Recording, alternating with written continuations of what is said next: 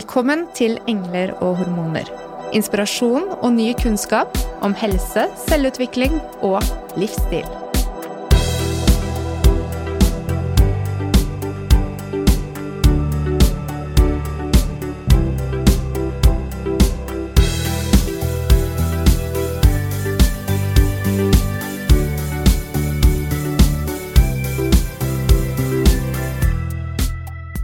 Da vi begynte innspillingen om Mathildes historie, skjønte vi fort at hennes opplevelse fortjente å deles i to.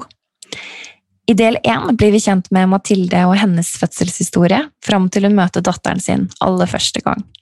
Det er en lang vei dit, og veien opplevdes enda lenger fordi hun ikke hadde partneren sin med seg. Detaljene i Mathildes historie er hennes egne, men erfaringene med for lav kapasitet, fulle fødestuer og overarbeidede jordmødre, samt usikkerhet vedrørende prosedyrer og mer, er noe mange kan kjenne seg igjen i fra egen fødehistorie. Og dette tross alt uavhengig av pandemi og smittevernhensyn. Koronaen spiller kanskje derfor kun en birolle, egentlig, i denne historien. Svakhetene i systemet blir bare enda tydeligere når den røde tråden og støtten, nemlig hennes partner, ikke får ta del i deres siste reise til å bli en familie på tre. I denne delen blir vi kjent med Mathildes opplevelse av barsel og oppfølgingen hjemme. Hjertelig velkommen tilbake igjen, Mathilde. Tusen takk. Det er veldig fint å kunne fortsette historien her i dag. Eh, og vår innspilling går jo faktisk nå da over to dager, men uh, fødselen din gikk jo over enda flere dager. Uh, så vi skal rekke å komme i mål før det er ettårsdag. Hvordan føles det egentlig for deg, Mathilde? Altså, Den sammenligningen har vært litt rar den helgen. For du sa noen, rett før vi begynte eh, 'gratulerer med fødedagen'. Eh, og jeg bare Men den er ikke ennå. eh, og vi møttes kvelden for to uh, dager siden. Eller for to dager siden. Så det Ja, jeg var fortsatt i gang. det er fortsatt en liten stund igjen før uh, jeg fødte. Mm. Men vi skal gå tilbake til uh, dagen etter keisersnittet. Mm. Når du fikk møte datteren din for aller første gang, og vi har veldig lyst til å høre hvordan det var når dere trillet ut fra denne observasjonsposten og ut til sykehuset. Kan ikke du ta oss med på den reisen, Mathilde? Mm, ja, da var jeg nok eh, opptatt av henne, så jeg prøvde å bli kjent med henne. Eh, jeg ble trillet inn på et tomannsrom på barsel. Um, ja, det var ganske fullt på barsel. Jeg har skjønt i ettertid at det er et vanlig tomannsrom, men jeg følte at jeg ble stuet inn et sted, fordi jeg lå jo halvveis under en uh, vask. Um, uh, uh, det i seg selv var litt rart på det tidspunktet her, fordi vi fikk jo ikke lov å ha med partner, men nå var, delte jeg rom med en som hadde babyen sin på nyfødtintensiven, og som gikk fram og tilbake mellom to avdelinger. Hun gikk over i et annet bygg mange ganger daglig. Uh, uten smittevernutstyr på denne tida her. Um, så da føltes det veldig rart at jeg ikke fikk lov å ha med partner, på en måte. Eller uh, jeg, kunne ikke forstå de smitteverntiltakene der. Um, men vi, den første dagen var det egentlig ganske greit. Eh, jeg fikk ganske god oppfølging av jordmoren min og av eh, barnepleierne. Eh, og de, de, var ganske opptatt av oss. Det tror jeg handlet mye om at jeg nettopp hadde gjennomgått keisersnitt. Men samtidig så ja, var det jo Datteren min lå mye i den lille sengen eller kurven, hva man kan kalle den, som lå ved siden av, og jeg fikk ikke til å løfte henne over. Så hvis hun gråt, så måtte jeg liksom ringe snora og vente. Og det er jo ikke alltid at de hadde tid. Det var ganske dårlig bemanning. Så selv da så begynte det å, jeg begynte å vente allerede da på å få hjelp. Eh, men første dagen så var det egentlig ganske greit. Mm. Så vi fikk tid til å kose oss og ringe pappaen og ja. Mm. Det er, eh, det er mye man skal gjøre når man eh, setter seg inn i når man får et barn. Og mange vil jo tenke på dette med å eh, gi mat ganske fort. Du hadde jo vært borte fra datteren din en stund pga. at du hadde keisersnitt og var i narkose. Mm. Hvordan gikk det med ammingen og det å gi mat? Jeg trodde egentlig at det gikk ganske bra, fordi hun fikk sugetak med en gang. Og eh, ammingen kom sånn sett i gang. Eh, men det gjorde visst ikke det likevel. Eh, for hun gikk raskt ned i vekt, og hun hadde lavt blodsukker. Um, så vi måtte få hjelp, så hun fikk um, morsmelkerstatning på kopp ganske raskt, egentlig. Uh, hva tidsperspektivet der er, er jeg litt usikker på. Mm. Hvordan opplevde du at oppfølgingen var rundt akkurat uh, dette med amming, og um, når, når, man da uh, fattet at man måtte begynne med morsmelkerstatning? Hvor, hvor langt tidsperspektiv liksom var det på dette her? Eh, vel, det ble vel egentlig ikke bra noen gang. Eh, de begynte jeg, jeg, er litt sånn usikker på akkurat tidspunkt. De begynte, Det var vel etter noen timer. Eh, det kan jo ha noe sammenheng med at hun ikke fikk råmelk med en gang av meg. Det vet jeg ikke. Um, men eh, vi kom aldri godt i gang. Jeg begynte å få brystspreng etter to dager, tror jeg. Eh, men eh, det virket som det var nesten for sent, sånn i ettertid. Så hun klarte liksom aldri å få i seg nok, så vi måtte gi ganske mye erstatning. Og jeg ble satt i gang med pumping, men jeg, jeg trodde at jeg fikk til amming fordi hun hadde sugetak. Um, eller i hvert fall det jeg mente var sugetak. Så jeg ville heller legge den til brystet enn å pumpe. Men jeg fikk ikke nok veiledning, så det kan også ha hatt noe med saken å gjøre at jeg skulle ha pumpa mer. Jeg, jeg, er usikker. Jeg er ikke akkurat på ammen. eh, amming så er jeg ikke ekspert, altså. Men eh, jeg fikk nok ikke så god det var nok noen som prøvde å hjelpe, men det var ikke noe sånn oppfølging ordentlig. Så jeg fikk jo aldri i gang ammingen, og når jeg kom hjem, så fortsatte jeg å gi morsmelkerstatning på kopp.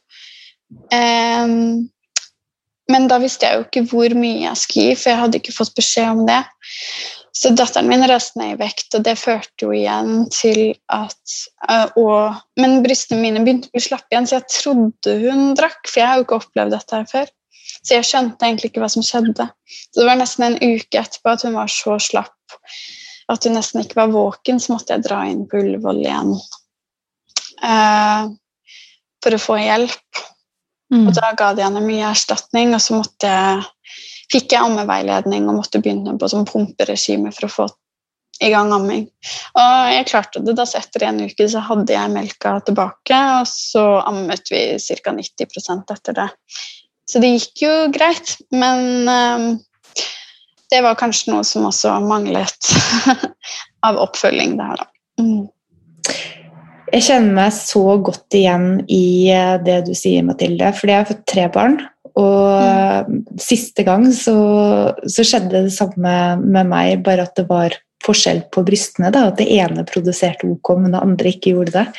Eh, og det er jo utrolig vanskelig, dette med amming, og man ikke har gjort det før også. Eh, man vet ikke hvor mye mat babyen får i seg. Mm. Eh, så jeg skjønner veldig godt at dette var vanskelig, og jeg, tror at er, eh, jeg vet at det er mange som syns at dette er vanskelig, fordi man, man har jo da man er prisgitt da, å se på veksten, selvfølgelig. Eh, men så, så er det jo i dette, denne diskusjonen rundt liggetid på barsel, som har mm. gått ned, det ser vi av statistikken. Og mangel på ressurser på oppfølging lokalt. Altså det, det, gap som blir da mellom omsorgen man kan få Og selvfølgelig, man kan ringe ammehjelpen, men i, um, i praksis da, så er det veldig mange som, som har det utfordrende den første tiden etter fødsel nettopp pga. det du beskriver. Mm. Og, eh, og, dette er jo ikke ideelt for verken mor eller barn. Det er ganske klart å se, men. Eh, jeg syns det er utrolig um, modig som forteller om dette. Mm. Fordi at jeg tror det er viktig at mange vet om at uh, det er ikke alltid det går av seg selv, og det er viktig å få hjelp. Mm. Jeg mm. trodde det skulle gå veldig lett. Og de sa jo det også når jeg kom inn, at ja, men hun har jo fint sugetak. Mm. Det var ikke det som var problemet. Jeg tror hun var for svak. altså Hun hadde for lavt blodsukker til at hun orket å suge ordentlig, eh, mm. er det jeg har tenkt i ettertid. Men det er jo vanskelig å vite, og spesielt når de sier det. Det ser bra ut. Hvordan skal jeg vite om hun spiser eller ikke? Så mm, det er vanskelig. Det er kjempevanskelig. Eh, hvor lenge var det du ble på sykehuset, Mathilde? Jeg ble til onsdag, så jeg ble ja. to dager. To dager. Ganske etter kort tid etter keisersnitt? Ja. Jeg dro hjem lenge før tiden, holdt jeg på å si. Um, jeg skulle være der vel tre til fire dager, er det det de sier etter keisersnitt. Men det var minimum, egentlig. Men pga. korona så tror jeg de sendte folk hjem etter 34 dager uansett. Jeg er ikke helt sikker, men um, jeg Ja. Vi kommer kanskje til det, men jeg klarte ikke mer. Så fra onsdag morgen så tror jeg jeg gråt hele dagen og ville hjem. Men vi kommer vel til den delen nå. ja. ja. Kan du ikke veilede oss videre for, eh, ja, til den mm. delen? Nei, altså som, som, jeg sa, altså jeg hadde noe Hun jordmoren var, som var der på dagtid, hun var veldig fin. Og det var eh, flere barnepleiere også som var uh, veldig søte med Elise, og, som gjorde at jeg hadde det bra. Men um, det var også Jeg tror det, det virket som de stresset. altså Jeg ringte i snoren, og de kom ikke. Etter første, den første dagen så var det som om jeg ble litt nedprioritert, eller de hadde ikke tid. Det gjelder sikkert flere, så jeg tror ikke det var spesifikt meg, men uh, jeg måtte, uh, Hun gråt, jeg måtte løfte henne selv, selv om jeg nettopp hadde tatt keisersnitt og ikke skulle løfte, og i hvert fall ikke i ugunstige posisjoner, så måtte jeg, fordi jeg kunne ikke vente på flere timer. Og jeg spurte om mat til lunsj, og så jeg, kom det ikke. For vi fikk jo ikke lov å gå ut av rommet, det er jo en annen ting. Så vi fikk jo ikke gå og hente mat selv. Så du er da eh. plassert inne på et ganske sånn ukurant, trangt dobbeltrom. Mm. Og så blir du bedt om Eller det leder fram til at du selv må løfte opp Elise. Mm fra sengen hvor hun ligger ved siden av deg. Så du må jo da reise deg litt halvveis opp, rotere mm. rundt, ta tak i henne. Nå vet jeg ikke hvor mye hun veide på det tidspunktet, men en, en nyfødt baby veier jo litt. Hun veide ca. Fire, uh, fire, kilo da, på det tidspunktet. Ikke mm. sant? Mm. Så da for en, en uh, nyoperert kvinne så er jo det mm. en ganske stor belastning. Absolutt. Og jeg visste jo dette her. Jeg har jobbet postoperativt som fysioterapeut. Så eh, jeg syns det var helt sprøtt å være i denne situasjonen selv. Eh, hvor jeg har hjulpet og støttet og vært så forsiktig med pasienter, og her må du blir du overlatt til deg selv eh, ja, i ugunste posisjoner og ja, Det var ikke noe støtte i forhold til at det var keisersnitt. sånn sett. Vi fikk jo hjelp til å gå ut av senga, men igjen, det ble gjort av jordmor. og Hun var dyktig, men jeg, jeg som fysioterapeut tenkte hvor er fysioterapeutene? Fordi på andre avdelinger på sykehuset så ville det vært fysioterapeuter som hjalp pasienten ut av senga første gang etter en sånn operasjon. Viktig poeng. Mm. det var jeg ganske sjokkert over, egentlig. Ja. Kan du ikke ta oss litt videre inn på når du selv arbeidet, arbeidet på sykehus eh, postoperativt, og hva som var retningslinjene der, eh, Mathilde? Komme litt kjapt inn på det og sammenligne med hva hva som det er stor mangel på da, for eh, kvinner etter keisersnitt? Nei, altså vi Der så snakket vi både med pasienten før operasjonen, eh, hvor vi ga informasjon om eh, hva som skulle skje, eh, hvordan operasjonsåret ville være, tips til hvordan man skulle hoste hvis man trengte det, da med sånn hostepute foran åpent sår. Dette her var da i lungene, så litt høyere opp, men ja, litt samme område. Eh, og så eh, Ja, så ga liksom informasjon om en PEP-fløyte som man bør bruke etter man har vært i narkose. Den fikk jo jeg også, for så vidt, eh, på oppvåkningen. Men jeg fikk den jo bare i hånda av en sykepleier uten å få beskjed om hva jeg skulle med den. Så hadde ikke jeg vært utdannet i det, så hadde ikke jeg ant hva jeg skulle med en PEP-fløyte. Eh, for de som ikke vet hva det er, så er det et sånt munnstykke som man blåser i for å åpne opp lungen igjen for å hindre lungebetennelse. Så det er ganske viktig etter en operasjon hvor man har vært i narkose. Um, og eh, etter operasjonen så er det jo vi som er med på å mobilisere pasienten for første gang. Eh, første gang de skal ut av senga, og veileder de hvordan de eh, da Eh, på mest mulig skånsom måte kommer seg ut av senga for å ikke ja, da skape trykk eller få vondt i eh, operasjonssåret. Eh, ikke bruke de musklene som er involvert. Så ja, det er ganske mye vi går gjennom, og vi følger opp da de nærmeste dagene med eh, flere øvelser å følge med og kanskje går i gang igjen. Altså, det går sånn gradvis. Neste dag så kanskje vi går i gang igjen. og så eh, det at du plutselig skal fikse det meste på egen hånd, syns jeg var litt sånn absurd. Men eh, sånn er det jo. Eh, ja. Dette med keisersnitt er jo merkelig fraværende når vi leser i de nasjonale retningslinjene for uh, oppfølging etter barsel. Vi har uh, vi har jo sett igjennom det og undret oss over mangelen på konkrete tiltak rettet mot kvinner som har vært igjennom keisersnitt. For det er jo veldig mange som opplever keisersnitt eh, og føder med keisersnitt eh, hvert eneste år i Norge.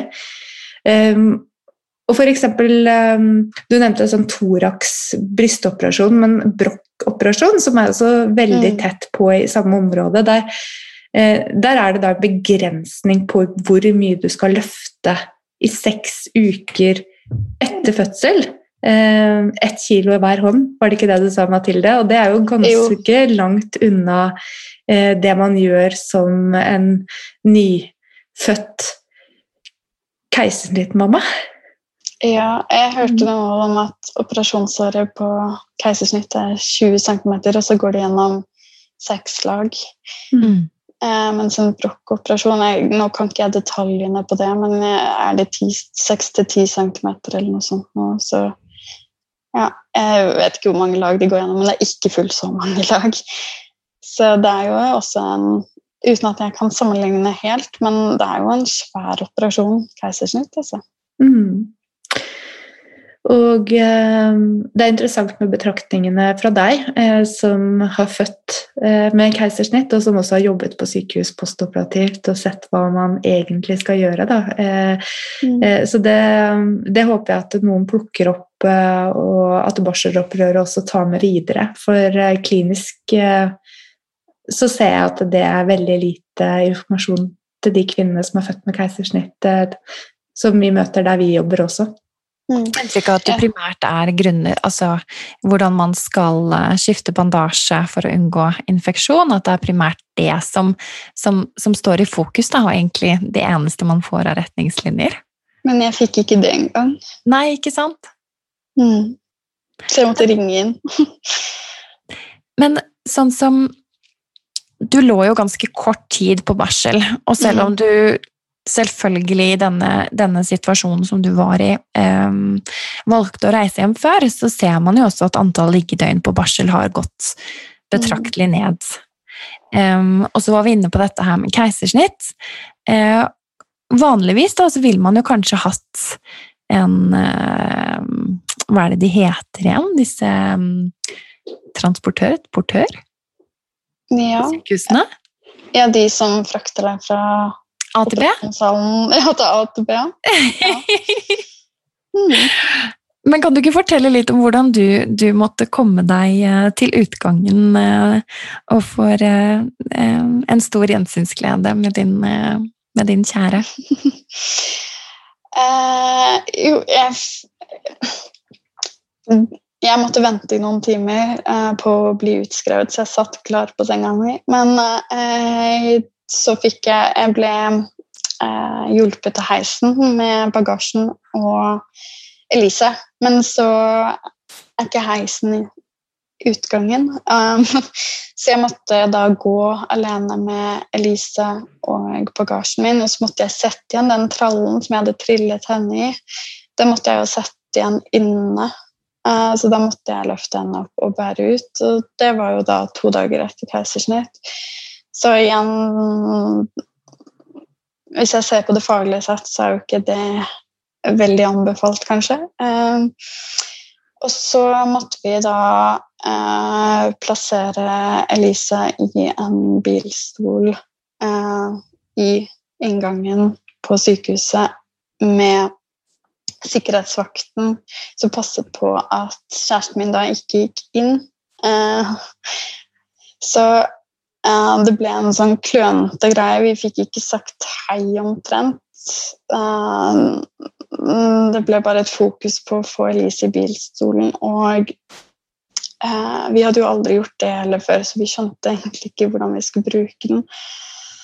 Og det ble bare sånn kaos med ja, Hvor vi ble på en måte overvåka for å overholde smittevern, samtidig som vi skulle ja, møte datteren vår for første gang. Så det var ikke noe ok sted og tid for akkurat det. Mm. mm. Disse små tingene som det kan se ut som sånn utenfra, men det er um, Jeg syns det er så sterkt å vite det at man, at man drar seg ned fra avdelingen med tung bør og, og står der i svingdøren med med noen over seg mens man skal prøve da å si hei og plassere baby og komme seg ut på samme tid, komme seg hjem. Um, og den, akkurat dette øyeblikket her, det sto jo ut for oss når vi, um, når vi fikk høre om din historie. Mm. Uh, nettopp pga. Kompleksiteten i det øyeblikket. Er det noe dere har uh, tatt med dere og snakket om i ettertid? Ja, og det er jo kanskje et av de øyeblikkene jeg har vært mest sår på um, og grått mest over. Og det at vi ikke fikk sett henne samtidig etter fødsel, men også at det var det som ble vårt første øyeblikk. Det ble, det ble ikke liksom uh, hva kan man si? Altså, det er jo ikke det øyeblikket man ser fram til de ni månedene i svangerskapet. Uh, at det skal være der. Uh, så ja, Nei, det, det, er helt sprøtt. Um, ja. Hvordan var oppfølgingen hjemme, Mathilde? For da reiser dere hjem mm. som en familie på tre. Endelig mm. gjenforent. Ja. Um, ammingen går det da litt så som så med. Det har vi jo ikke sant, fått, uh, fått høre litt om tidligere. Mm. Um, du reiser da tilbake til Ullevål, på ammepoliklinikk kanskje, for å få uh, dette pumperegimet som du var innom i sted? Mm. Stemmer. Jeg var først innom uh, barsel, og så til ammeveileder. Mm. Var det da pga. ammingen du var innom barsel, eller var det også for noe kontroll ja, på deg selv? Fordi at hun gikk så mye ned i vekt, så jeg ble bekymra. jeg visste ikke årsaken til at hun var så slapp og gikk ned i vekt. Jeg ante ikke at det var fordi hun ikke hadde fått i seg nok mat. Um, så jeg dro tilbake dit fordi jeg var bekymra. Var det på dette tidspunktet noe kommunikasjon med helsestasjon? Og hvordan var det med hjemmebesøk på, under denne tiden her?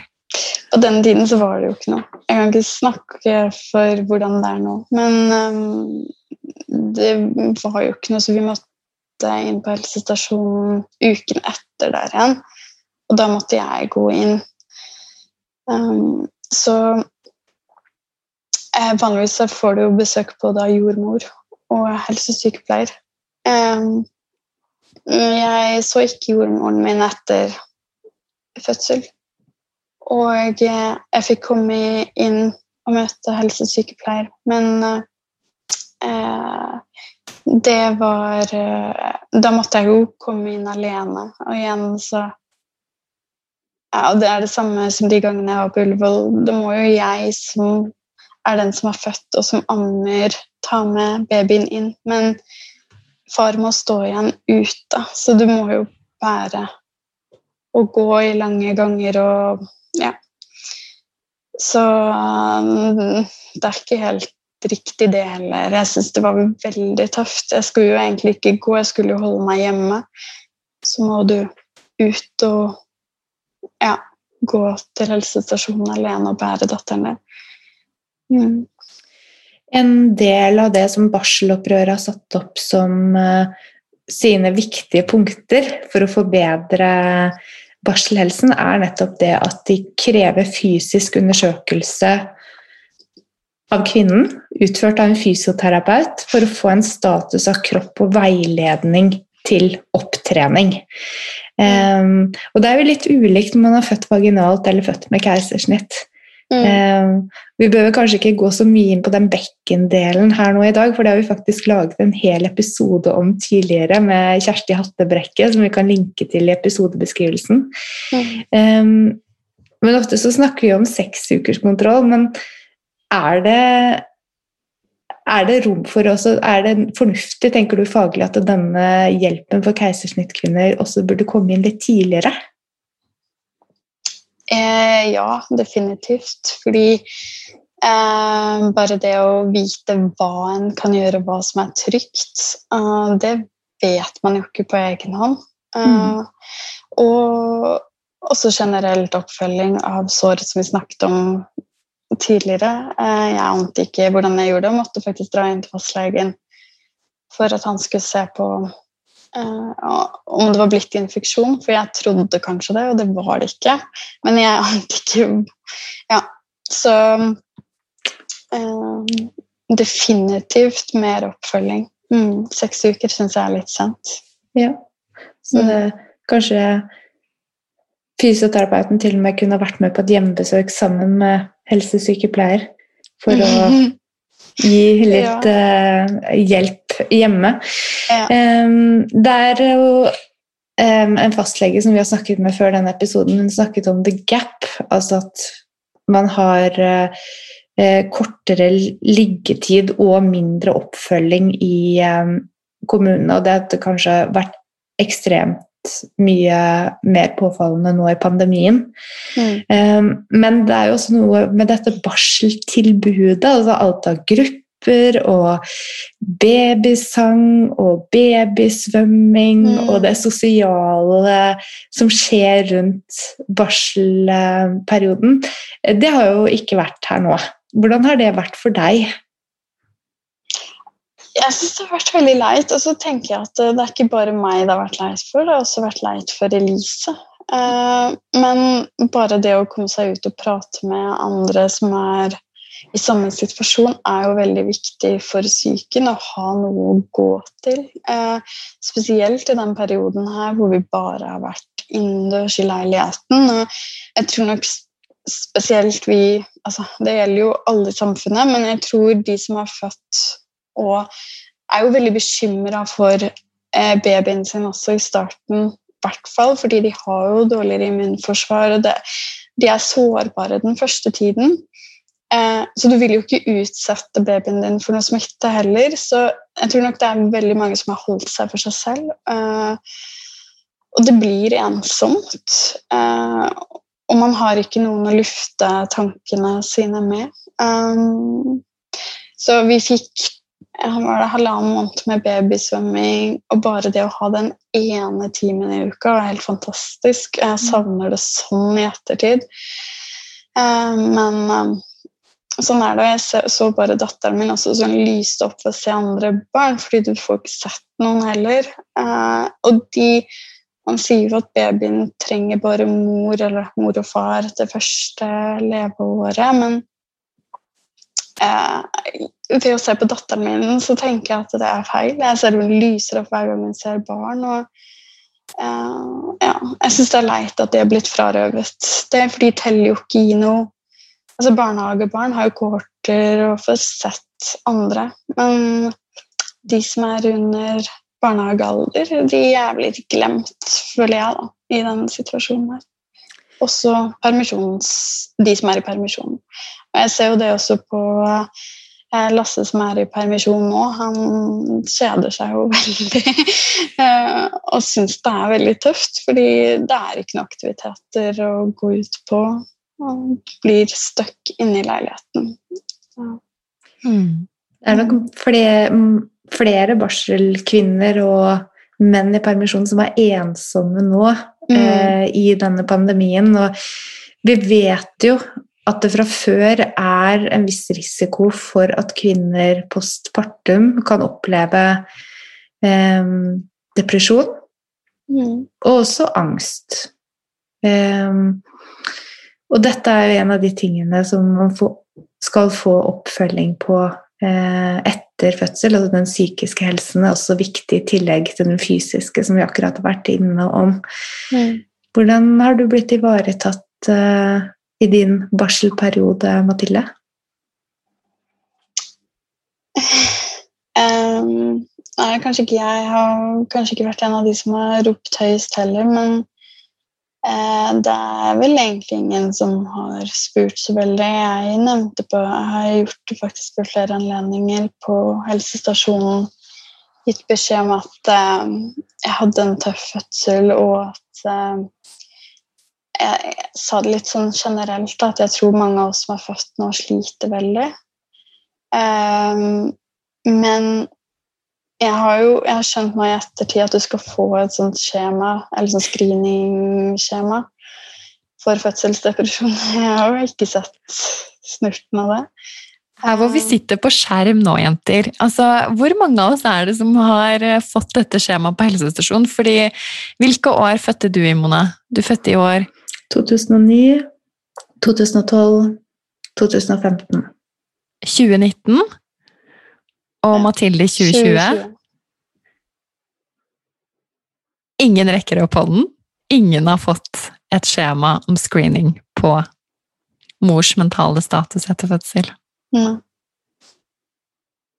Dette her er ikke bare koronaen for mm. Det er svineinfluensaen jeg fødte første gang, da.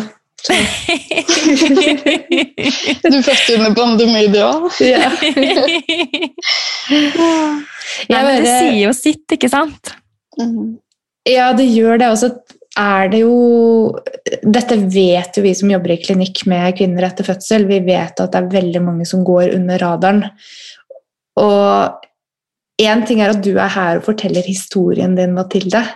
Eh, du har kommet hit, og du gjør det, men det finnes så mange kvinner som ikke som ikke har um, ditt talerør akkurat nå, men som sitter alene hjemme og har på papiret kanskje en normal fødsel eller et normalt keisersnitt. Fordi i din epikrise så synes du ikke at Nei, det var tøft. Nei, i min også står det normalt. Mm. fødsel. Det har jeg. Jeg gikk jo tilbake og spurte. Ja. De sier at jeg ikke kan si noe på fødselen min, for det var normalt forløp. Ja. Um, men det handler jo om å bli hørt. Mm. Mm. Så dette er um, utrolig viktig å løfte frem en føde- og barselhistorie som din, som er normal. Dette er normalt. Mm. Men eh, det burde jo ikke være det. Ja. Det kom jo en, eh, en offentlig utredning også i eh, 99.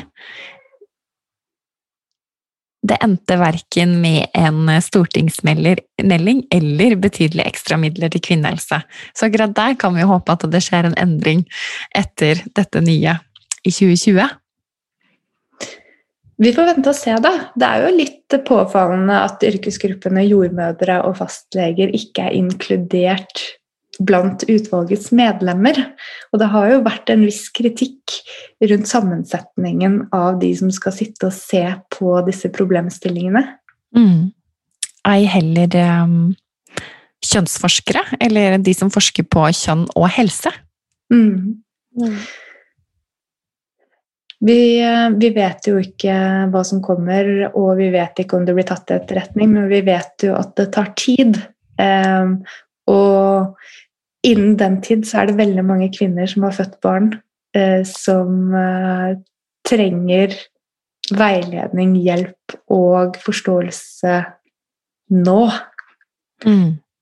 Så eh, det er eh, Det er vel verdt å kanskje sette i gang og støtte andre ting som barselopprøret, f.eks. Mm. Ja, Barselopprøret er jo i gang med å skrive tiltak som de ønsker at uh, regjeringen skal se på. Um, og så tenker jeg også at uh, det er et valg til høsten. Uh, og um, dette er saker som kanskje burde snakkes mer om også politisk. og så tenker jeg at det har en tendens til å bli litt glemt, fordi man er i en fase uh, av livet hvor man er veldig opptatt av det, men så er man ikke så opptatt av det før man blir gravid. Og så tror jeg kanskje at veldig mange av de som allerede har født, av ulike grunner ikke enten orker å ta det inn over seg på nytt igjen, eller eh, Jeg vet ikke hva som er årsaken, men det er som de melder seg litt ut av diskusjonen. Så det å stå opp for hverandre som kvinner, også at vi får med menn på det, tror jeg er veldig viktig. At vi mm. får det politisk. Mm. Dere var jo en familie på tre som skulle mm. oppleve ja, livets mirakel sammen mm. for aller første gang. Mm.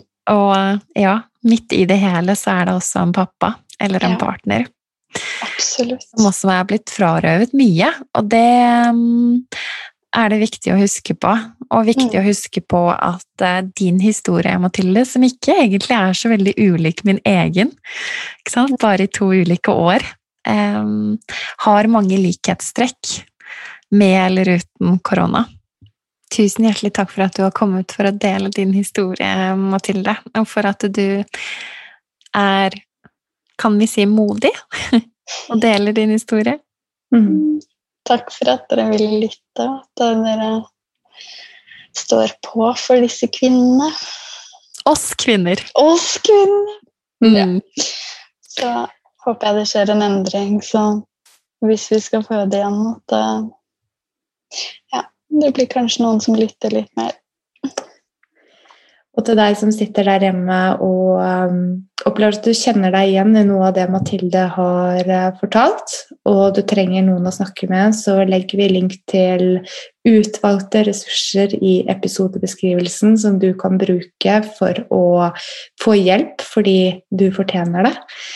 Og uh, sitter du hjemme og lytter til oss og kjenner noen som nettopp har født barn, så oppfordrer vi deg absolutt også å være til stede for hverandre, slik at vi sammen kan ta ansvar for at hver enkelt kvinne som har fått barn, eh, får eh, det så bra som mulig i sin barselpermisjon.